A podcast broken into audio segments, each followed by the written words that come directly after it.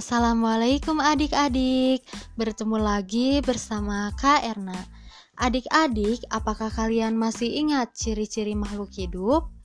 Ya, salah satu ciri makhluk hidup adalah membutuhkan makanan Setiap tumbuhan, hewan, maupun manusia pasti membutuhkan makanan untuk tetap bertahan hidup pada kesempatan kali ini, yuk belajar bersama Kak Erna mengenai sistem pencernaan.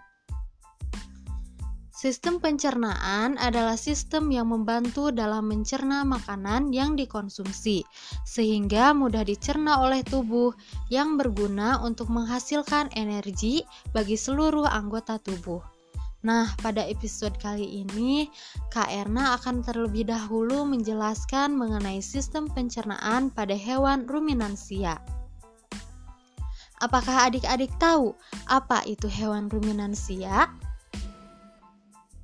Hewan ruminansia adalah sekelompok hewan mamalia yang biasa memamah atau memakan dua kali dan dikenal dengan hewan memamah biak.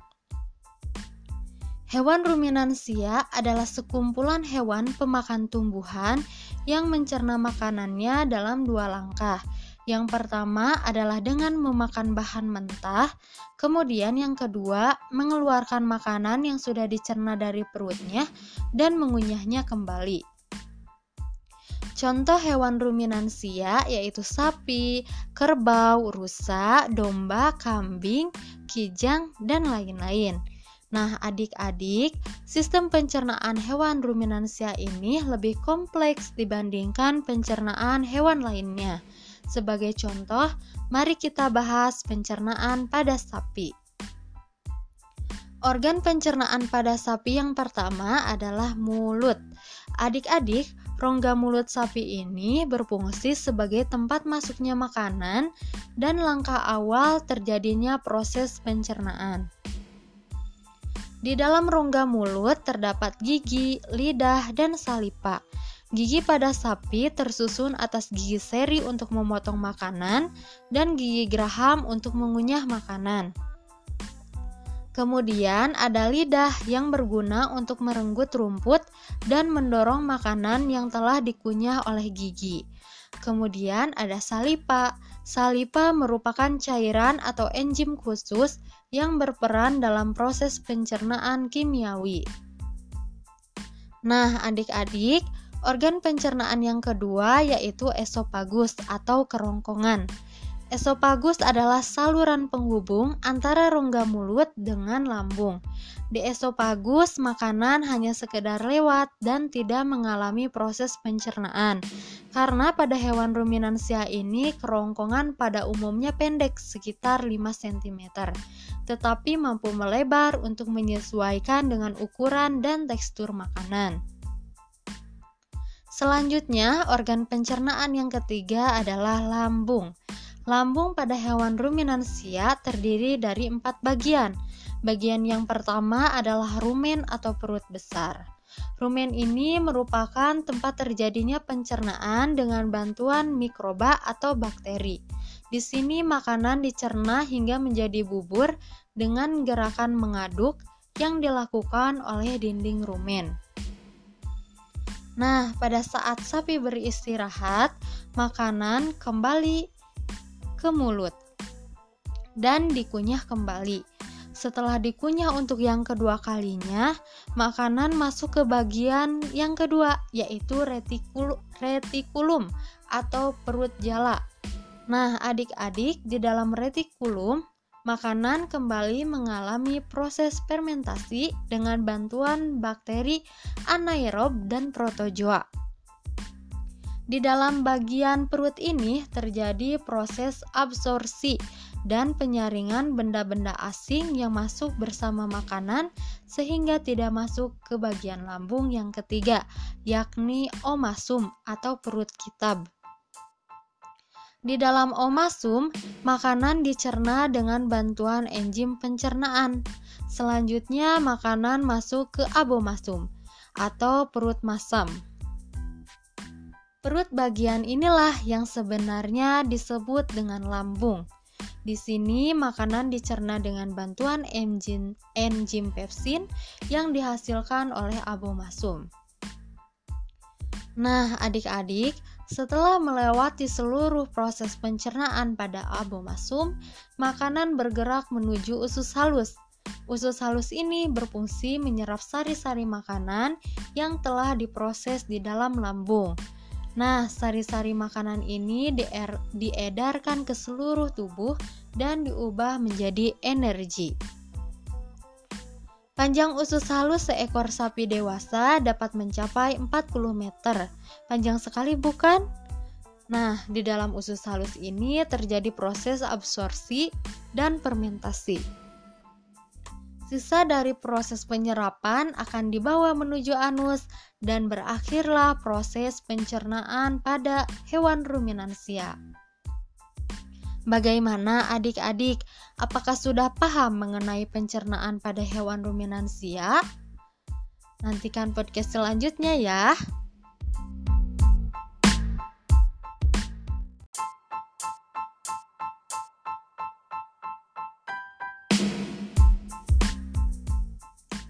Adik-adik, setelah sebelumnya kita belajar mengenai sistem pencernaan pada hewan ruminansia, kali ini kita akan belajar mengenai sistem pencernaan pada manusia.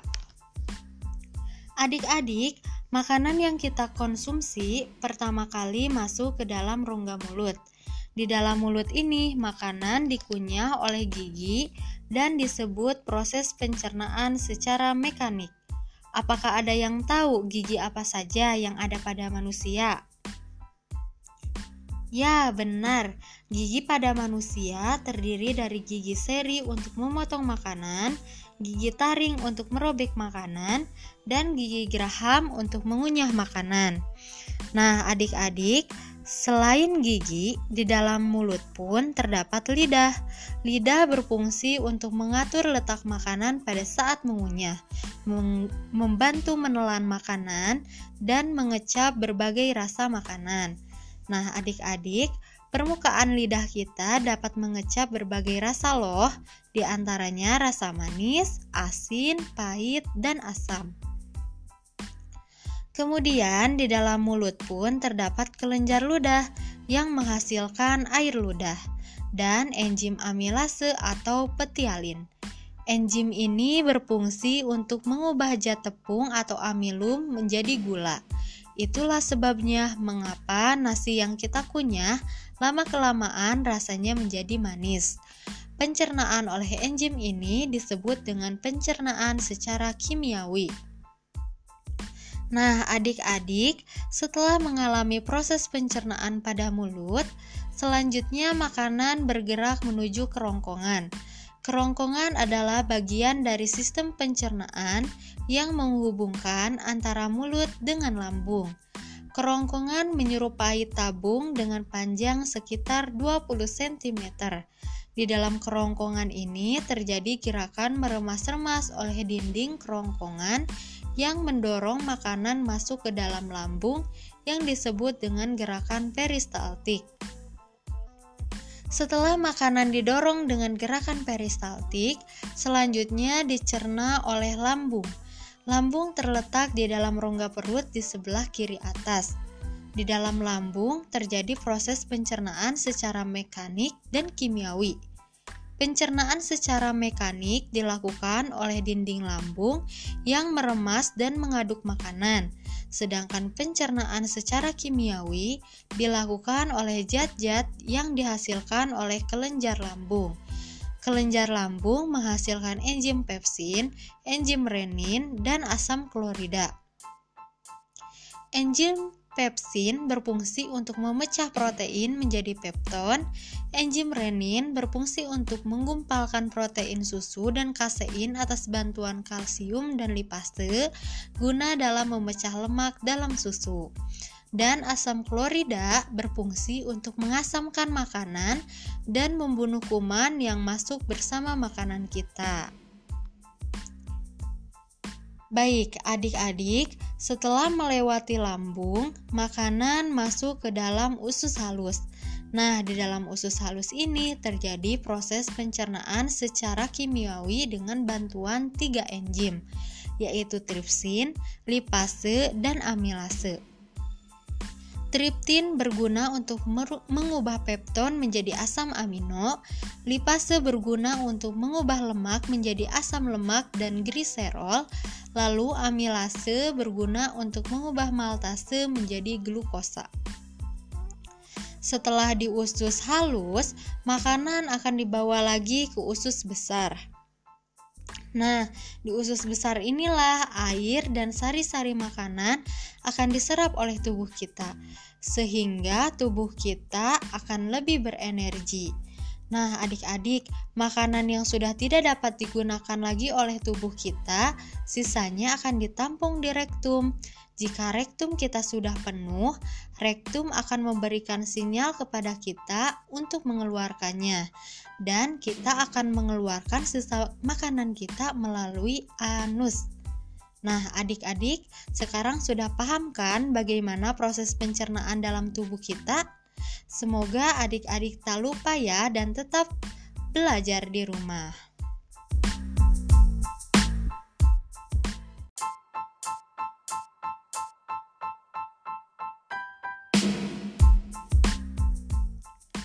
Nah, adik-adik, setelah kita belajar mengenai sistem pencernaan manusia, kali ini kita akan belajar mengenai gangguan apa saja yang menyerang sistem pencernaan. Adik-adik, sistem pencernaan merupakan bagian yang sangat vital yang perlu dipelihara agar berfungsi maksimal, karena tubuh kita memperoleh nutrisi melalui sistem pencernaan. Jika sistem pencernaan kita baik, maka penyerapan nutrisi akan maksimal dan tubuh kita akan menjadi sehat dan kuat. Adik-adik, gangguan yang terjadi pada sistem pencernaan di antaranya MAH. MAH adalah gangguan yang terjadi akibat peradangan pada lambung. Penyebab penyakit MAH ini karena meningkatnya kadar asam lambung yang dipicu karena pikiran tegang dan pola makan yang tidak teratur. Penyebab yang kedua bisa disebabkan karena luka pada lambung yang tidak diobati dan berakibat infeksi bakteri. Penyakit MAH ini memiliki gejala seperti nyeri perut, mual, muntah, dan kembung. Selanjutnya, gangguan sistem pencernaan pada manusia yaitu kolera.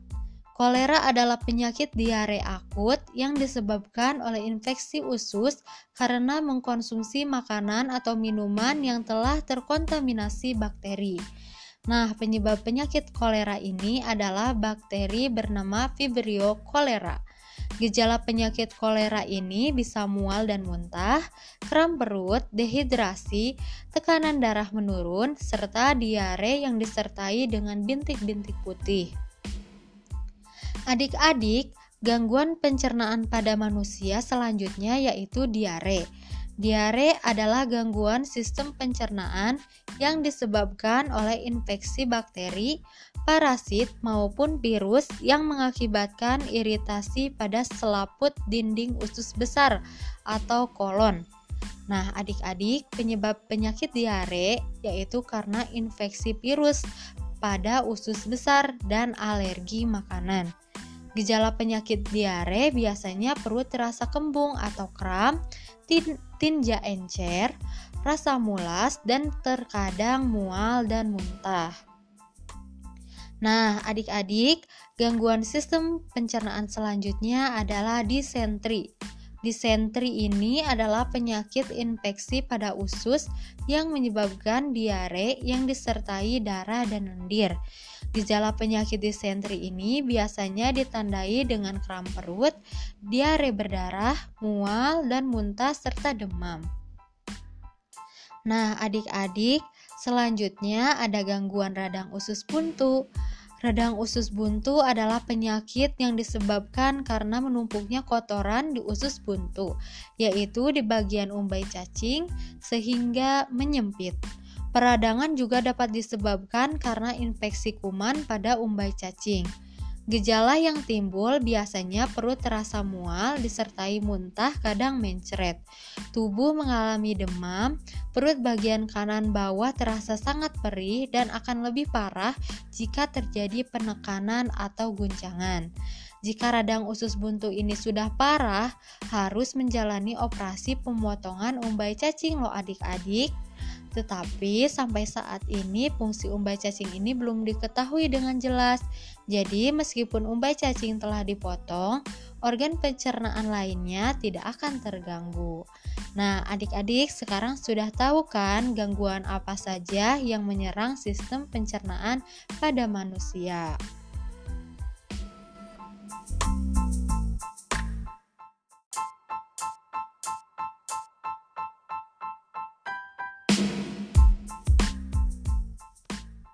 Adik-adik, setelah mengetahui gangguan yang terjadi pada sistem pencernaan manusia, sekarang kita akan belajar penyebab dan cara memelihara organ pencernaan pada manusia. Adik-adik, mengapa penyakit dapat menyerang sistem pencernaan kita? Hal ini dapat disebabkan karena pola makan tidak teratur, sering terlambat makan, kurang mengonsumsi makanan berserat seperti buah dan sayur, terlalu cepat menelan makanan, stres mengonsumsi makanan yang mengandung kuman, kebiasaan buruk yang selalu menunda buang air besar, dan terlalu banyak mengonsumsi makanan yang mengandung gula. Nah, adik-adik, Kak Erna punya tips nih untuk memelihara sistem pencernaan kita agar tetap sehat. Yang pertama, kita harus rajin mencuci tangan menggunakan sabun, terutama sebelum makan. Selanjutnya, kita pun harus banyak mengonsumsi sayur dan buah serta makanan yang berserat. Kemudian, jangan terlalu sering makan makanan yang terlalu pedas atau asam. Nah, saat kita makan, makanlah dengan tenang, jangan terlalu cepat menelan jika belum dikunyah dengan halus. Tujuannya agar kerja lambung menjadi lebih ringan, karena lambung tidak perlu meremas-remas makanan terlalu kuat atau terlalu lama. Oh iya, jangan lupa untuk banyak minum air putih ya, dan hindari minum minuman beralkohol dan bersoda. Kemudian, biasakan menutup makanan di meja makan untuk menghindari makanan tersebut dihinggapi oleh lalat. Biasakan juga makan tiga kali sehari dan hindari telat makan. Hindari juga tempat makan yang kebersihannya tidak terjaga. Nah, adik-adik, bagaimana? Sekarang sudah tahu kan cara memelihara sistem pencernaan? Gangguan pencernaan tidak hanya tidak hanya menyerang orang dewasa saja, tetapi anak-anak pun jika tidak memeliharanya dengan baik akan terserang juga. Pada anak-anak yang mudah memproduksi gas pada lambungnya, memiliki pantangan makanan, misalnya tidak boleh makan pedas dan asam. Adik-adik harus banyak makan sayur dan buah, serta tidak boleh terlalu banyak makan mie instan, ya. Oleh karena itu, Kak Erna berpesan kepada adik-adik untuk saling mengingatkan untuk selalu menjaga sistem pencernaan agar pencernaan kita tetap sehat dan dapat menyerap nutrisi yang di tubuh yang dibutuhkan oleh tubuh kita.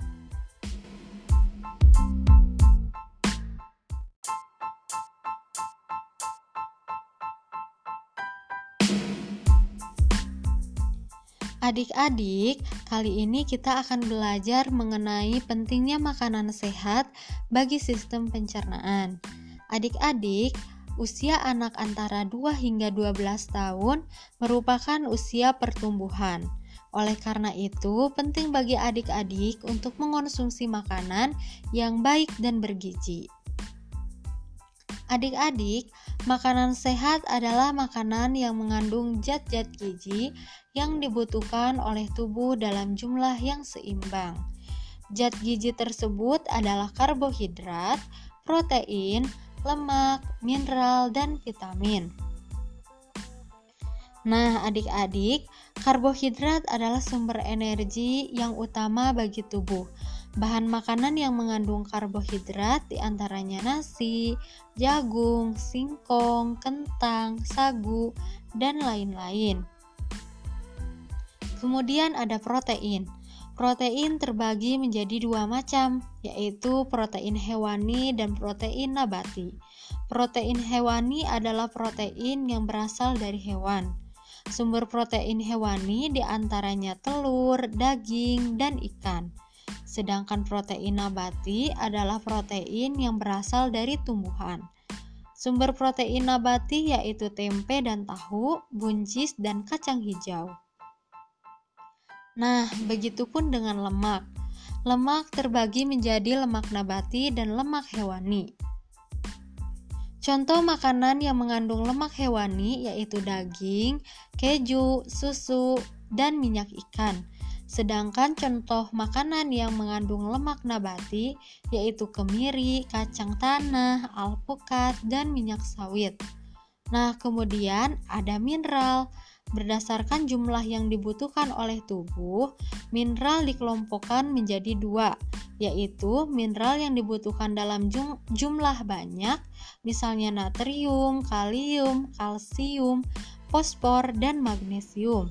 Sedangkan mineral yang dibutuhkan dalam jumlah yang sedikit, misalnya mangan, yodium, fluor, kobalt, dan zat besi.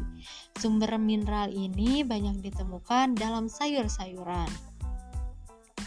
Nah, adik-adik, kemudian ada vitamin.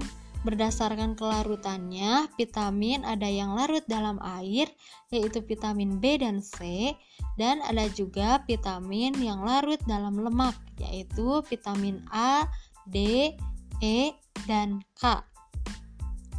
Nah, adik-adik, vitamin yang larut dalam lemak dapat disimpan di dalam tubuh, sedangkan vitamin yang larut dalam air tidak dapat disimpan di dalam tubuh.